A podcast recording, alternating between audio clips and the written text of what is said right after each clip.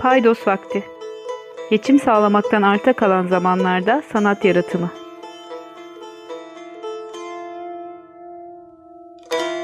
Merhabalar, ben Pelin Buzluk. Paydos Vakti'nin ilk yayınında birlikteyiz. Bu yayında Yansın Ankara Şehir Planı'ndan, Konur ve Karanfil sokaklarından, Yüksel Caddesi'nden, Heykeltıraş Kuzgun Acar'dan bahsedeceğim. Sonrasında ise bir akşam Konur'da kitap tezgahının başında tanıştığım, sonradan aynı zamanda şair ve yazar olduğunu öğrendiğim Oya Özgün Özler'le söyleşeceğiz. Konur ve Karanfil sokaklar ile Yüksel Caddesi benim Ankara'da en çok zaman geçirdiğim, en çok hatıram olan yerlerden.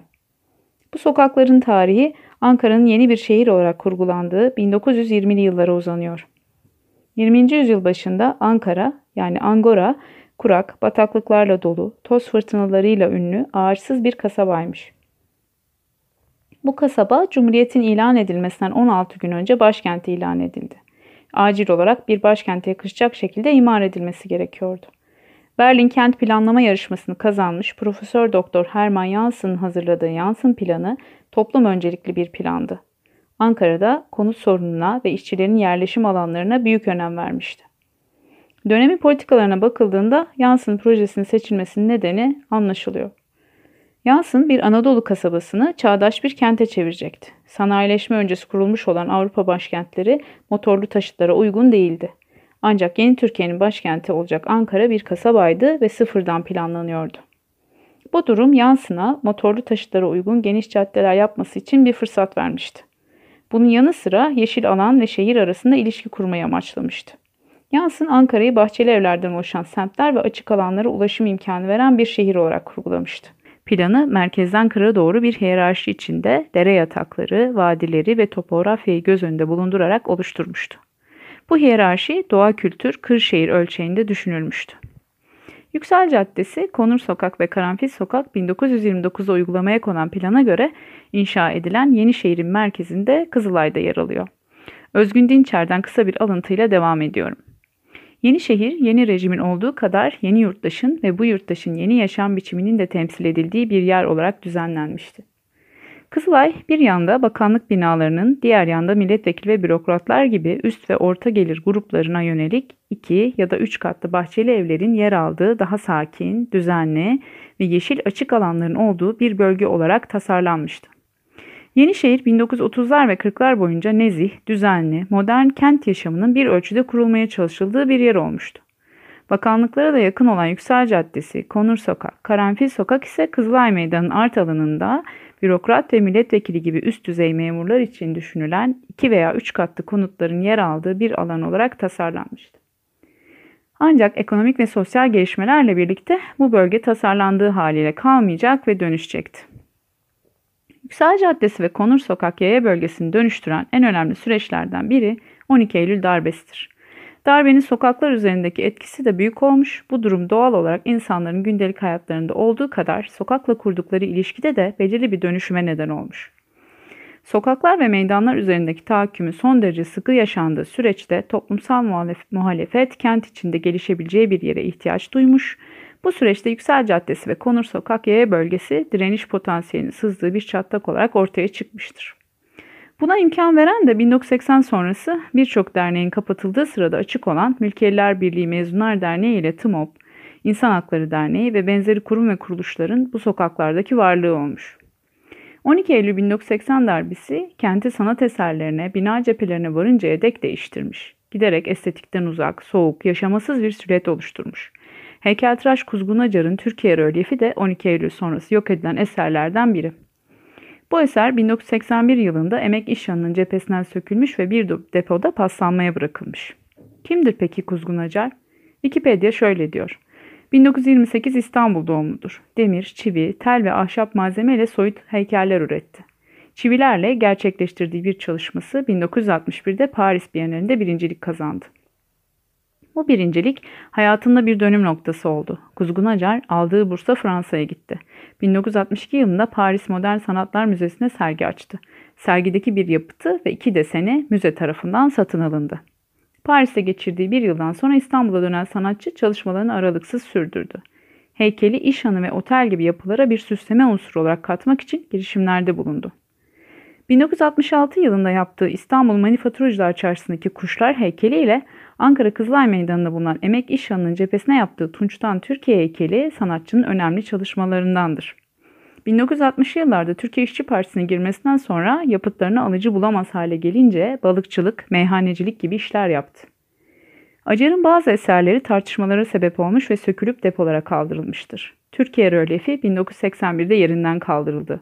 Depolarda bekletildikten sonra hurda olarak satıldığı yapılan araştırmalarda ortaya çıktı. Metal iş Gönen tesisleri için yaptığı heykel yine 1980 sonrasında sökülerek bir depoya kaldırıldı. Oya Özgün Özder, Kovuk adlı şiir serisinde şu dizelerle Kuzgun Acar'ı anıyor. Kuzgun Acar Kızılay'dan sökülmüşse de şiirin son kullanma tarihi yoktur. Hurdacıya satılamaz. Sonbaharın kötürün bıraktığı ağaç dallarına ne olmuşsa olmuş. Şimdi yeniden kızaran yanaklarla koz helva peşinden koşuşturma vakti. Oya Özgün Özder Ankaralı. Ankara Üniversitesi İspanyol Dili ve Edebiyatı mezunu. 8. Kadın Kadına Öykü Yarışması'nda jüri özel ödülüne layık görülmüş. 2017'de Senur Sezer Emek Direniş Ödülleri'nde şiir dalında mansiyon almış. 2017 Dil Derneği Gürhan Uçkan Şiir Ödülü'nde şiiri övgüye değer bulunmuş. 2016 Arkadaş Zekai Özger Ödülleri'nde adı anılmaya değer şairler arasında yer almış. Şiir, edebiyat çalışmalarının önemli bir bölümünü oluşturuyor. Şimdi biz de yeniden kızaran yanaklarla Oya ile şiirden söz edelim. Oya merhaba, hoş geldin. Merhaba Pelin. Ee, ben senin şiiri bir mücadele alanı olarak e, kurduğunu düşünüyorum. E, buna ne dersin? Sen ne düşünürsün? Yani senin şiire başlangıcın böyle miydi? Böyle bir ihtiyaçtan mı doğdu? Ee, zaten bunu bir yaşamsal e, kaygı olarak görmesek yaşamımızı sürdürmemizin bir anlamı olmayacağını düşünüyorum. Yani Said Faik'in belki de bıraktığı yerden ele alırsak e, yazmazsam çıldıracaktım diyor kendisi. E, ben de yazmasam yaşamıma devam edemeyecektim diyebilirim. E, çünkü nasıl ki su içmek, yemek yemek, duş almak yaşamsal bir ihtiyaçsa benim için şiir yazmak da öyle. Yani yaşamın belki de beş elementi varsa e, bu ihtiyaçlar babında. Altıncı element de benim için bu. E, bunu yapmazsam hayatıma devam edemeyeceğimi düşünüyorum. E, bazen öyle bir şey oluyor ki mesela sokakta bir insan görüyorum.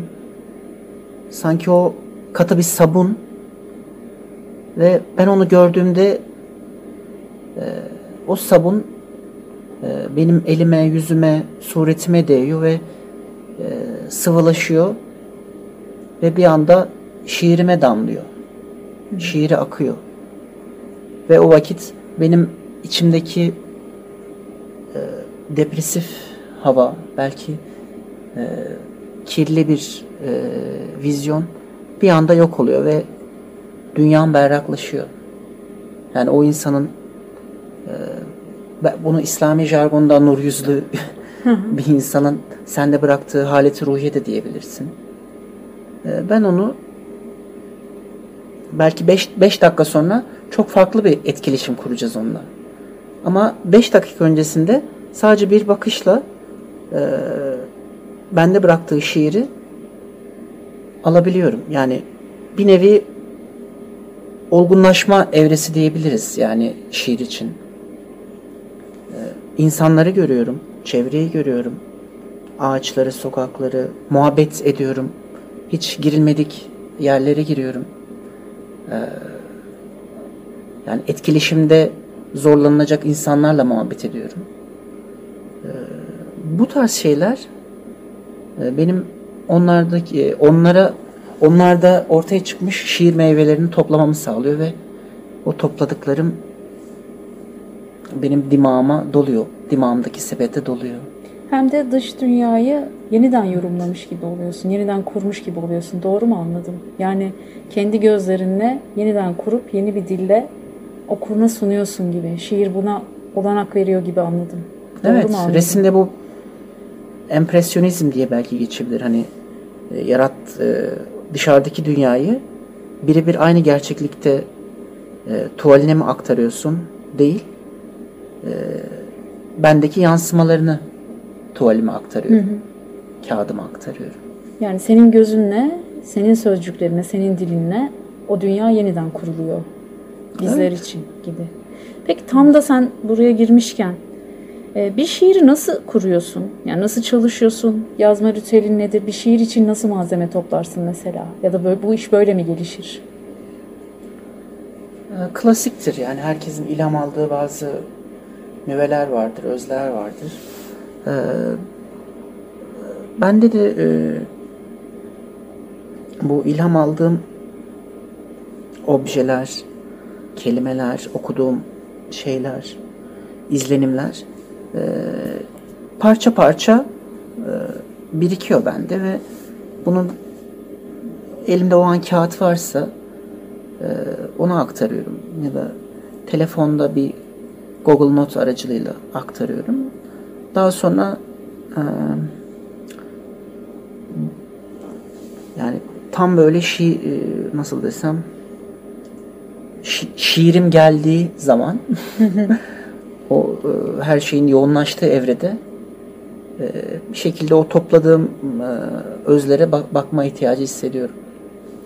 E, Çünkü onlar bir nevi de şey oluyor nasıl desem e, basit bir çağrışım aracı da olabiliyor. Sadece bir kelime ben, ben bir sürü tali yol açıyorum yani. Sadece yeter ki o kelimeyi düşüneyim yani. Eğer bir hastaneye gitmişsem ve orada bir acı görmüşsem o acıyı hatırlatan kelimeyi düşüneyim sadece. Mermer.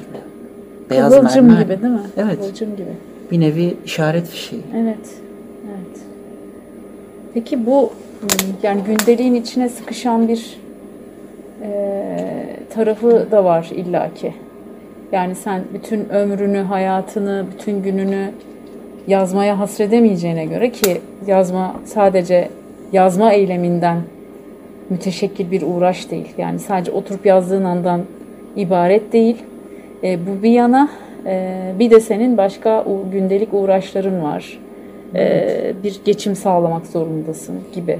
Bu aralara şiir e, nasıl sıkışıyor? Yani sanat uğraşın e, bu arta kalan zamanlarda geçim sağlamaktan özellikle arta kalan zamanlarda nasıl ilerliyor? Biraz bunu merak ediyorum.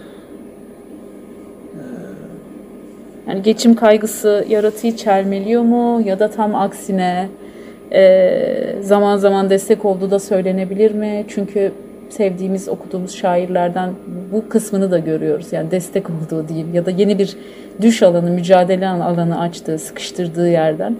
E, bunu da görüyoruz ama senin için nasıl olduğunu merak ediyorum. Yani bir, bir yandan geçimini sağlamaya çalışırken ya da bir yandan işsizken, geçimini sağlayamıyorken yeterince bu e, yaratım süreci nasıl ilerliyor, Şey, ilerleyebiliyor şu mu? oluyor aslında. Hepimiz mesela ne diyoruz? Bir plan yaparak ilerliyoruz.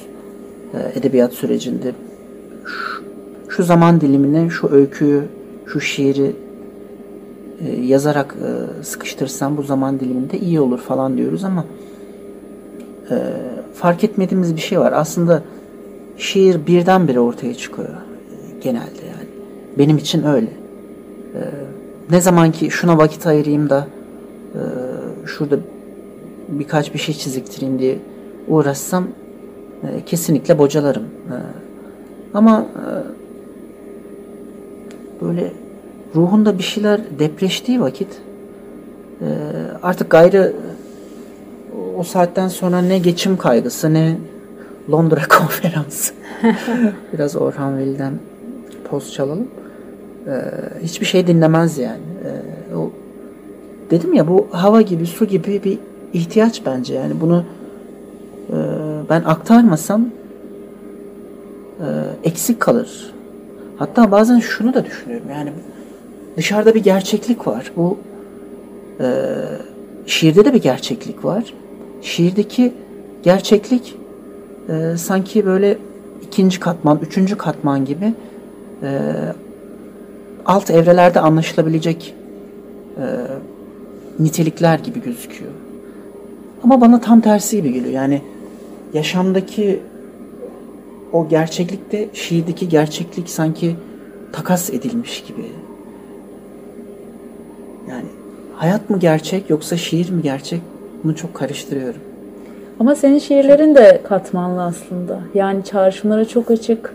Her okumada e, başka imgelere, imajlara savuran bir tarafı da var. E, tabii senin nasıl kurduğunla okurun nasıl okuduğu e, arasında da fark vardır illaki. Yani o an şu, bu soruyu sorma niye oldu yani? Gözlem yapmam işte e, buna dayanıyor. Yani gözlem yaptığım vakit o zaten o katmanı görebiliyorum. Yani direkt katman şeklinde sanki bana sunuluyor. E, oradaki e, imgeler bir anda o gördüğüm şey imge oluyor aslında. Gerçeklik değil de hı hı. imge. Biraz aslında belki de hastalıklı bir yönü de vardır bu işin. Yani e, halüsinasyon görme gibi. İ, i, direkt imge görüyorum. Ben hastalık yani, demezdim. yani sanki şey gibi algılıyorum şimdi biraz da böyle özdeşlik kurduğum şeyler oldu sen söylerken. Yani bir e, evet bir e, duyu organın daha işliyor gibi şiir için. Yani evet. mesela diyorsun ya birdenbire çıkıyor ortaya diye. Aslında birdenbire çıkana kadar sen muhtemelen onun imgelerini, görüntülerini, çağrışımlarını zaten topluyorsun gündelik hayattan. Yani senin böyle işleyen bir gözün var. Hani benim için böyle olur. Ee, oturup yazayım dediğinde yazamamanın nedeni de olgunlaşmamış olması olabilir. O olgunlaşınca dalından düşer gibi düşüyor yani o sende. Belki de böyledir. Bilmiyorum. Ee, ya, doğru ya, mu yorumladım ama. da hep e, nasıl desem bir sosyolojik, psikolojik açıklaması illaki vardır da böyle daha böyle düşünüp hani gerçekten e,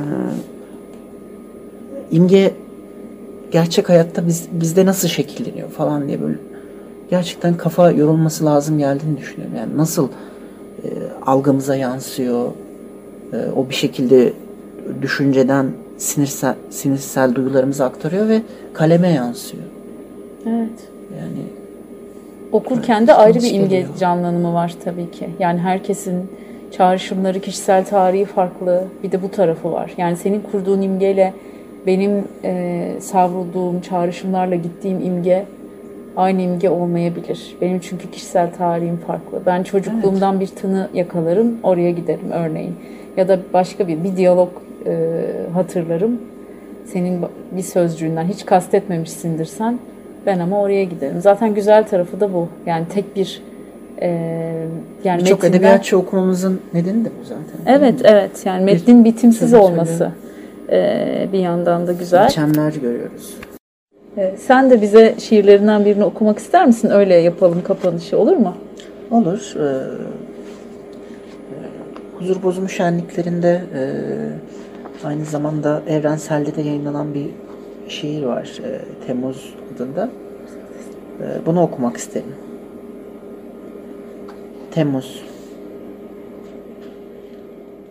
Aylardan Temmuz ve keşke güneş bu kadar erken balçıkla sıvanmasaydı.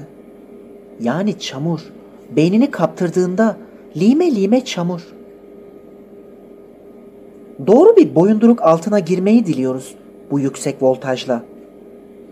Bir arada yıkasak beyazla pembeyi çamaşır makinesinde. Rengi atmış çamaşırlarımızdan mı ilham almış diyeceğiz bu farklılığımız. Gerçeğe çağrı yapan Tüm cevapsız aramalar tam bir skandal. Açmayacağım. Lütfen sen de bırak elinden telefonu. Sen yanıt verebilir misin? Oksijenin bu kadar azalmışken. Henüz imar barışı yapılmamışken. Gel nefes al. Doya doya. Yoksa seni de bungalov evden organik insan yapacaklar. Kendi içindeki için için niçine kulak versen, bilirim kaç dakikada götürüleceğini hesapladığını. Bilirim tasalarının rotasının sermayenin el değiştirmesine kırıldığını. Ne mertebelere erdirir taklit yeteneğin. Bilirim. Kendini teslim ettiğinde başlıyor asıl komplo teorileri. Bağırmaya özen gösterdikçe suskunluk psikiyatriste emanet. sakındıkça birinci dereceden yanıklar teninde nemli görüşleri tutuşturuyor. Bir avuç keskin kıvılcım. Bir suçüstü anı olarak noktalama işareti. Soru. Ufuk düzlemimizde.